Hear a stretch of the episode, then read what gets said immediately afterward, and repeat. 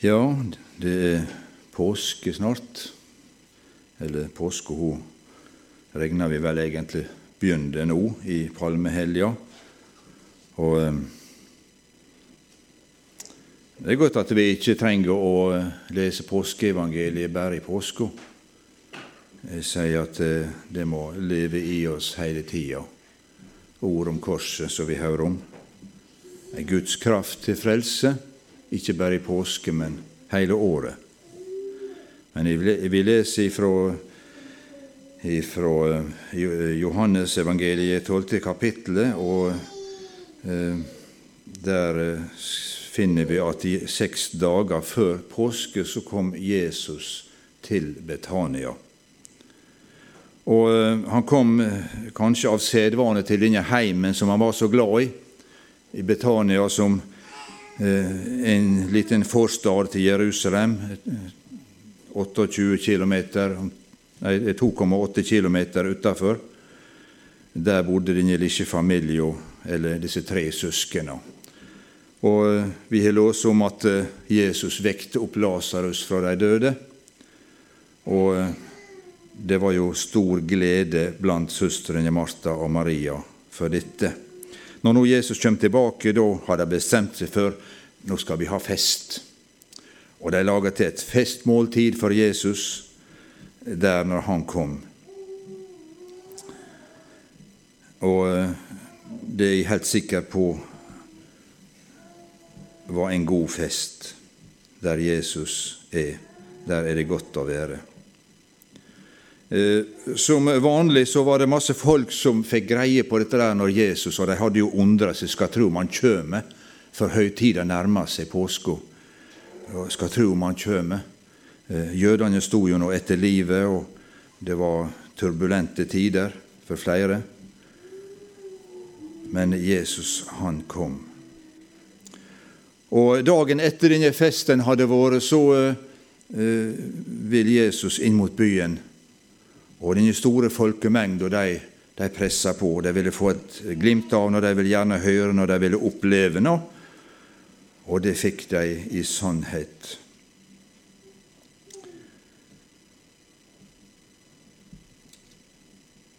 Jesus han hadde sagt til disiplene, og det sier Matteus noe om litt mer detaljert, eh, at eh, Jesus han ba læresveinene at de skulle fare inn til landsbyen, der skal dere finne et esel som står bonden, og en fåle sammen med den. Løs den og lei den, lei den hit til meg. Og Hvis noen sier noe til dere, så skal dere si at eh, Herren har bruk for dem. Ja, de gjorde jo det. Jeg syns det var litt underlig, kanskje, men de gjorde slik. Og eh, Vi leser om at de gjorde som Jesus hadde sagt. Når Jesus eh, hadde satt seg på dette dyret, trelldyrets fåle, og kommer ridende inn mot i retning Jerusalem, så er det det at folket de hogger greiner av treet, de tar og de tar klær og legger på veien. Eh, nå for tida, så eh, når det er liksom fornemt besøk, kan du si, eh, så er det man ruller ut en røde løpere. Det har vi sett så mange ganger på flyplasser og på hotell og annet. Når det kommer litt fint folk, så, så er det gjerne det man gjør. Og dette her var datidens røde løper det var å legge klær på veien, hogge eh, palmegreiner og, og, det hele. Det var, det var den røde løpere. Folket hylla Jesus. De ropte Hosianna.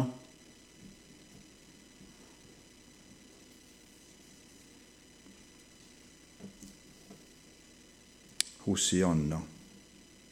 Det betyr frels nå.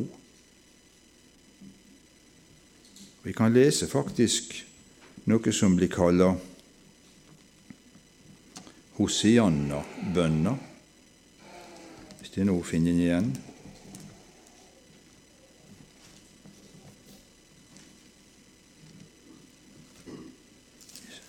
I Salme 118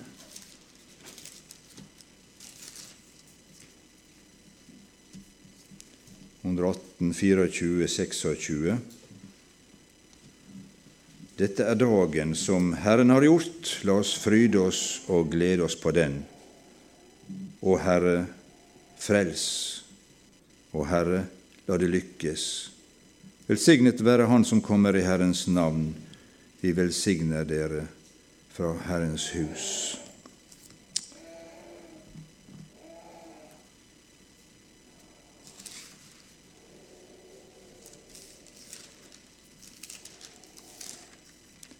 Han sette seg på et esel. Hvorfor det? Han kunne kanskje ha gått.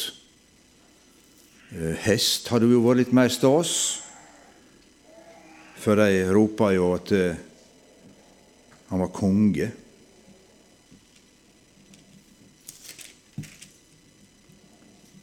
Velsignet være Han som kommer i Herrens navn, Israels konge. Har vel sett for meg at en hvit hest har vært tingen. Eh, kanskje ei skikkelig kongevogn. Vi har jo sett, ikke minst dronninga i England. Der er det skikkelig stas når hun skal flyttes på, hadde nær sagt. Når de skal ut og blant folket, så er det flotte vogner med mye stas. og Kongenes konge måtte nå vel hatt et eller annet slikt. Men faktum er at hesten det var på en måte et symbol for krig. Det, det, det var symbol på eh, krigstilstand. Mens eselet, som Jesus valgte helt bevisst, det var for å vise at han hadde ikke krigstanker i hodet. Han hadde tanker til fred i djupeste mening. Denne kongen han var ydmyk. Det var ikke noe militærkupp. Det var en ydmyk konge som kom med fred. Og Sakarias skriver om dette her i, i sitt kapittel 9 og 9. Rop med fryd, Sions datter, rop høyt, Jerusalems datter. Se, din konge kommer til deg, rettferdig er han og full av frelse. Saktmodig er han og rir på et esel, på den unge eselfålen. Jesus valgte det ringeste å sette seg på. Og da tenkte det som ingenting var, det utvalgte han seg for å gjøre de vise til skamme. Det er liksom sånn omvendt land, dette med Jesus i forhold til vår tankegang om at vi velger gjerne de sværeste personene til å, å styre og stelle. Når det er noen jobber som lyses ut, så ser man selvfølgelig på eh, CV-en og hvem som er beste karakterene, hvem som er mest dyktige, og så velger man ut ifra det, fordi man vil ha mest mulig igjen for det personen man setter inn og skal betale. Og, og, sånn er det i vår verslige sammenheng. Vi tenker, uh, vi tenker hvem som er mest egna når vi skal. Men, men, her er det helt omvendt. Og vi ser ofte i, i våre sammenhenger i det åndelige at det sannelig meg, han som ingen kanskje hadde regna med, han utrusta Gud med nådegave. Og I Fjerde Mosebok leser vi ei, forunderlig historie om et esel som Bileam eide. Han var ute på feil vei. Han forsto ikke hva Gud hadde sagt og ment. Men så begynte Gud å kommunisere med eselet. Og når Biliam satt på eselet sitt og reid fram han var innkalla for å forbanne israelsfolket, og var vel under tvil på vei til å møte denne kongen som ville forbanne israelsfolket. Så var han på feil vei. Og Gud satte en engel i veien for dem for å sperre, Og denne engelen så eselet, men ikke Biliam. Tre ganger stilte en engel seg opp og sperra veien, sånn at eselet veik unna og, og, gjorde at han klemte foten til han William opp i fjellveggen, og, og til slutt så la han seg ned, for han kom ikke fram. Og William var, var sint og, og, og slo eselet sitt.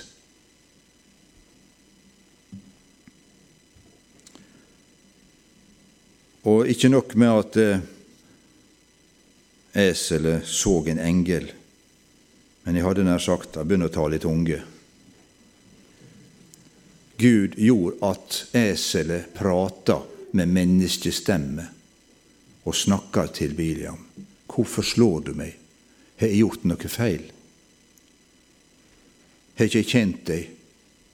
Tenk, Gud la ned i et esel av alle ting menneskespråk, så måtte den vel være litt mer enn tungetale, vil jeg tro. Det var profetisk før det kom på direkten. Og da åpna Gud øynene til Biliam, og han fikk se, og han fikk oppleve at han hadde båret seg feil åt. Men Gud bruker den han vil, han, uavhengig av våre begrensninger og våre sperrer, uavhengig av vår uh, innebygde fordømmelse kanskje for sånt som vi syns er syndig. Og Jeg tenker på kvinner ved Sykars brønn, som kom der på ei tid der ikke var andre, for hun kjente seg fordømt av byens befolkning på grunn av det livet hun hadde levd, på grunn av alle de mannfolka hun hadde hatt. Men hun måtte ha vann, og våga seg ut der i solsteiken og sleit seg gjennom. Der traff hun Jesus, og hun fikk et møte med Han som hadde livets vann. Og du verden, hun fikk innlagt vann. Hun fikk vann på egen grunn. Hun fikk det levende vann i sitt hjerte. Henne som ingen hadde regna med. Henne som han så ned på. Du er jo ingenting. Du er jo sånn som du har båret deg åt. Vi kan ikke bruke deg til noe holdt deg unna. Du er ikke velkommen. Hun fikk møte Jesus, og hun ble gjenstand for en stor vekkelse. Hele byen kom i bevegelse. Hun sprang inn og ropte ut. Jeg har møtt en som har sagt meg alt jeg har gjort. Kan det være Messias? Hva slags frimodighet hadde hun fått, som sneik seg langs med smuja Plutselig var det en som så henne, en som ga henne livet. Og hun fikk begynne å leve. Hun fikk være gjenstand for vekkelse. Det måtte være en av de første kvinnelige evangelistene som vi finner. Og veit du, den Gud kaller, den utruster han. Så hvis du syns at det, du er kalt til noe som synes helt umulig. For dette kan ikke jeg. Dette greier ikke jeg.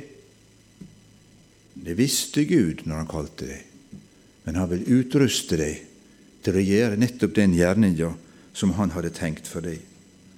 Vi synger barnesongen at Gud har en gjerning som passer for meg, og en gjerning som passer for deg. Så det som han har kalt deg til å gjøre, det skal ikke jeg gjøre. Og det kanskje Gud har kalla meg til, det skal heller ikke du gjøre.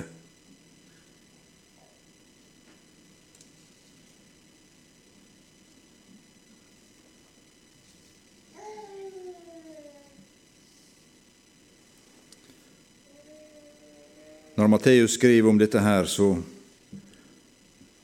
beskriver han en mulig situasjon, at noen kommer til å komme med innvendinger til at de de tar med seg denne, disse dyra.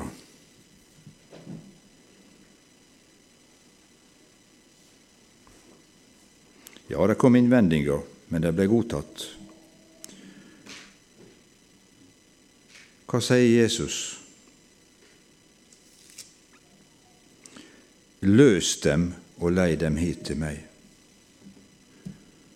En parallell i, i mitt haud det er når Lasarus har stått opp fra de døde. Han kom ut ifra grava og var, var innesvøpt. Løs han og la han gå.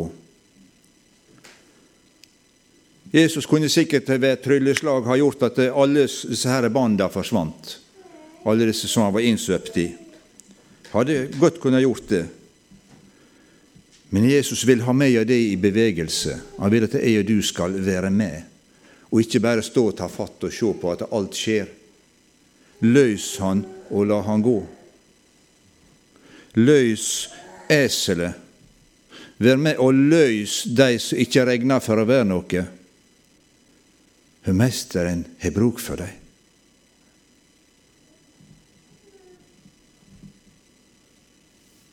Løs de som ingen har bruk for. Kanskje har du en nøkkeljobb, en nøkkelstilling til å løse de som ingen regner med. Løse de som står ledige på torget, som Gud har bruk for, som Jesus vil utruste til ei gjerning.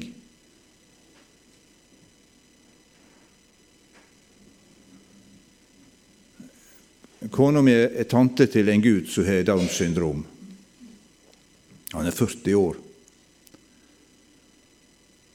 Og Jeg kan vel egentlig ikke tenke meg en person som kan være nærmere himmelen enn han. Han har lært Jesus å kjenne. Kanskje enkel i sin tankegang, men et fantastisk redskap. Og han får ifra Gud minnelse om å be.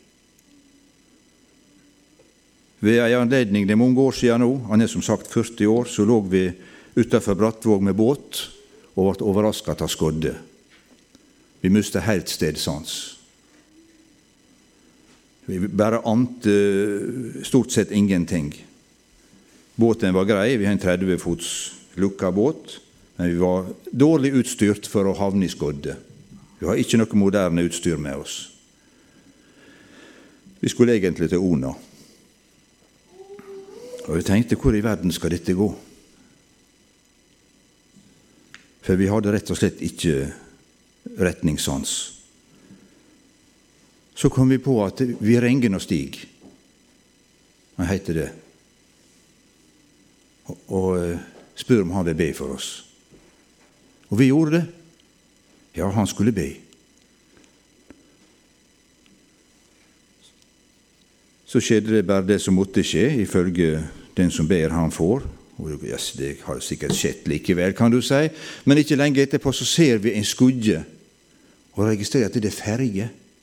Ferga som kommer mellom to eh, eller tre, jeg vet ikke sikkert på hvor fergene går der ute. Men, men oi, der er ferja! Da hiver vi oss att i veia henne. For hun kom såpass nær i tjukkskodda at vi så at det var ei ferge, og vi visste at den skulle iallfall til ett av fergestedene. Og hivde oss att i vei. Ja, det er vel ute i Finnøya, ikke det det heter?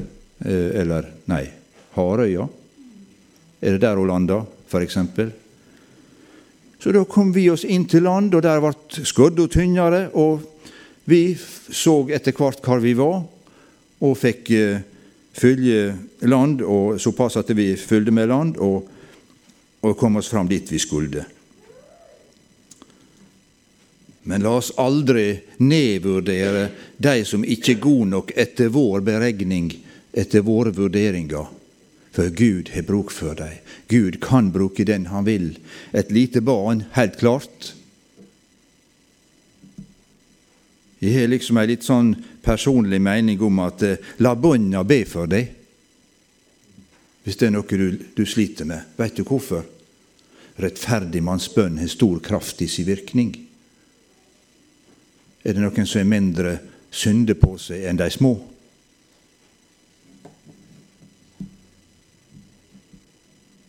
Jeg har et barnebarn, eller vi har, ei jente. Hun er 12-13 år nå.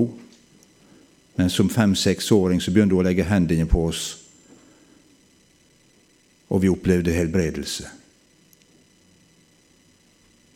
Hun ropte ikke over seg med høye bønner. Nei, hun kom så stilt. Det var kona mi som først fikk oppleve at hun hadde med seg noe. Hun kom bare hun lå i skuldrene eller nakken, hva det var. Så kommer hun stilt og bare legger hendene på. Og smertene forsvant. Og dette har hun fått lov å fortsette med.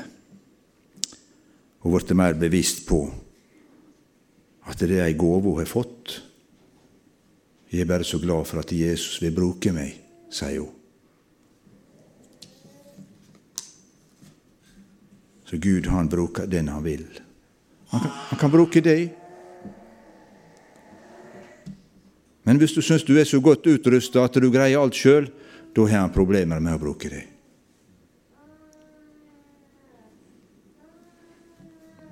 Gud står de stolt imot, men de ydmyke gir Han nåde.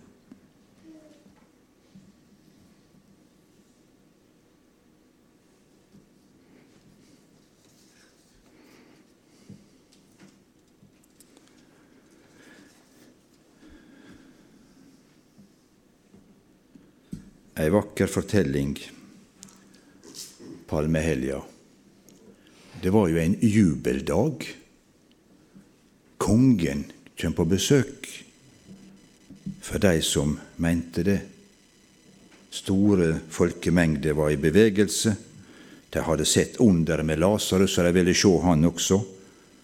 Den andre fløya ville ta livet av både Jesus og Lasarus, for det passa ikke inn i, i deres mønster.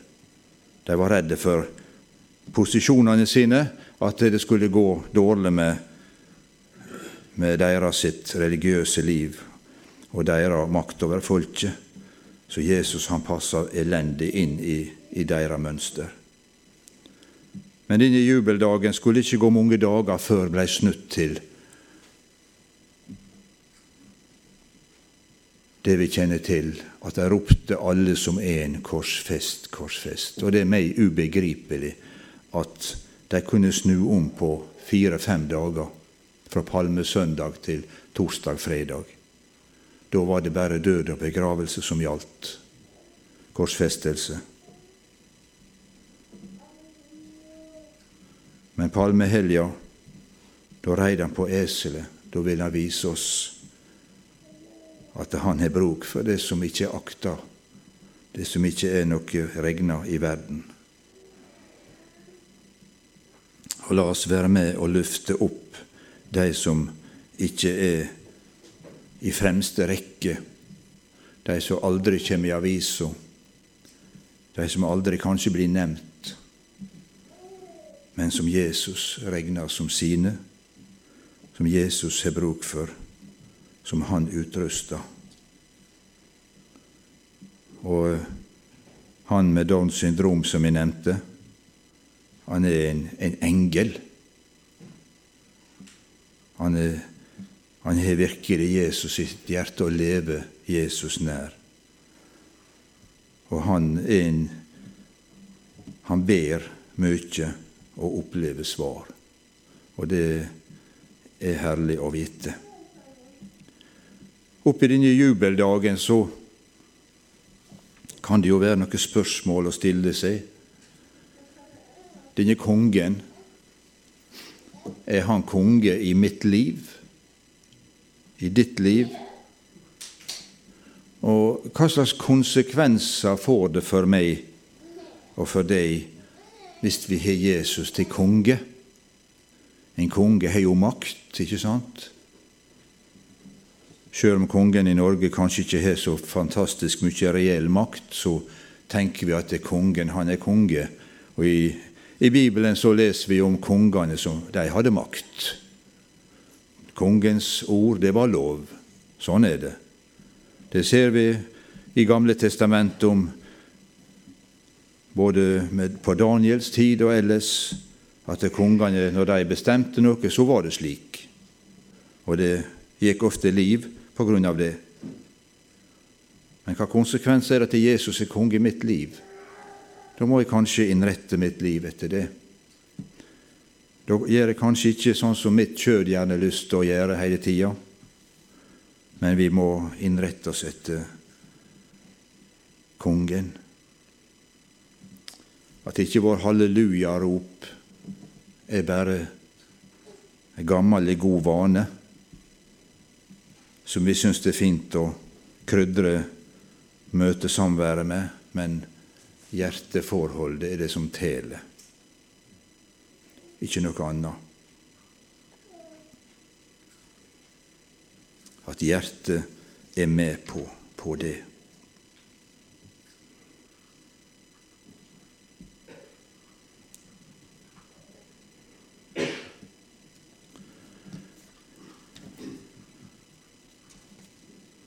Dette med korset, dette med påskebudskapet, som er utrolig dårlig likt av Satan,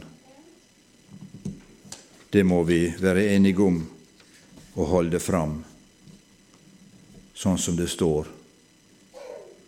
Ikke noen billige erstatninger, men budskapet om Han som var uten synd, som ble gjort til synd for at du og jeg skulle slippe straff, så tok han straffa. Så tok han på seg Guds dom, som sier til den som synder, skal dø. Og det var nettopp det Jesus gjorde. Han synda ikke, men han tok min tunge ryggsekk.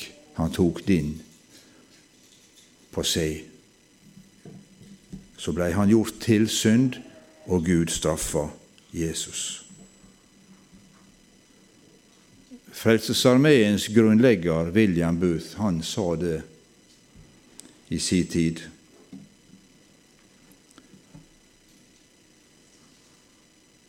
Om den siste tiders tilstand mente han at det ville bli religion uten Den hellige ånd kristendom uten Kristus. Tilgivelse uten bekjennelse. Frelse uten gjenfødelse. Politikk uten Gud. Himmel, men ikke helvete. For helvete, sier man, det har vi på jorda. Og det tror jeg man kanskje kan si om svært mye folk som lider for både kristendomstrua si og andre ting, at for dem så er det et helvete. Men jeg tror likevel det er banemat i forhold til det som Bibelen omtaler som fortapelsen og helvete, i evig adskillelse fra Gud. Og mange av disse tingene, det tror jeg vi kan si ja, slik er det kristendommen ut av politikken, ut av skoleverket, ut av barnehagene. Fort som rådet. For det er skadelig. Det er skadelig for bønda. Vi kan prestere veldig mye. Vi greier veldig mye, vi kan kjøpe veldig mye. Men hvis det blir sånn at vi har alt, men det er også alt vi har, da er vi lutfattige.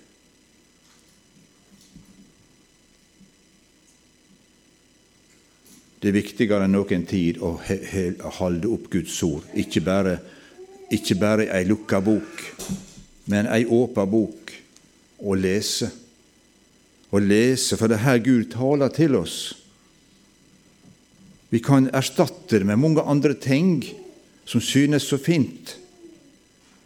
Vi kan ha masse program i møtene våre, ja visst, og det skal vi ha. Men Skrifta må ikke utebli.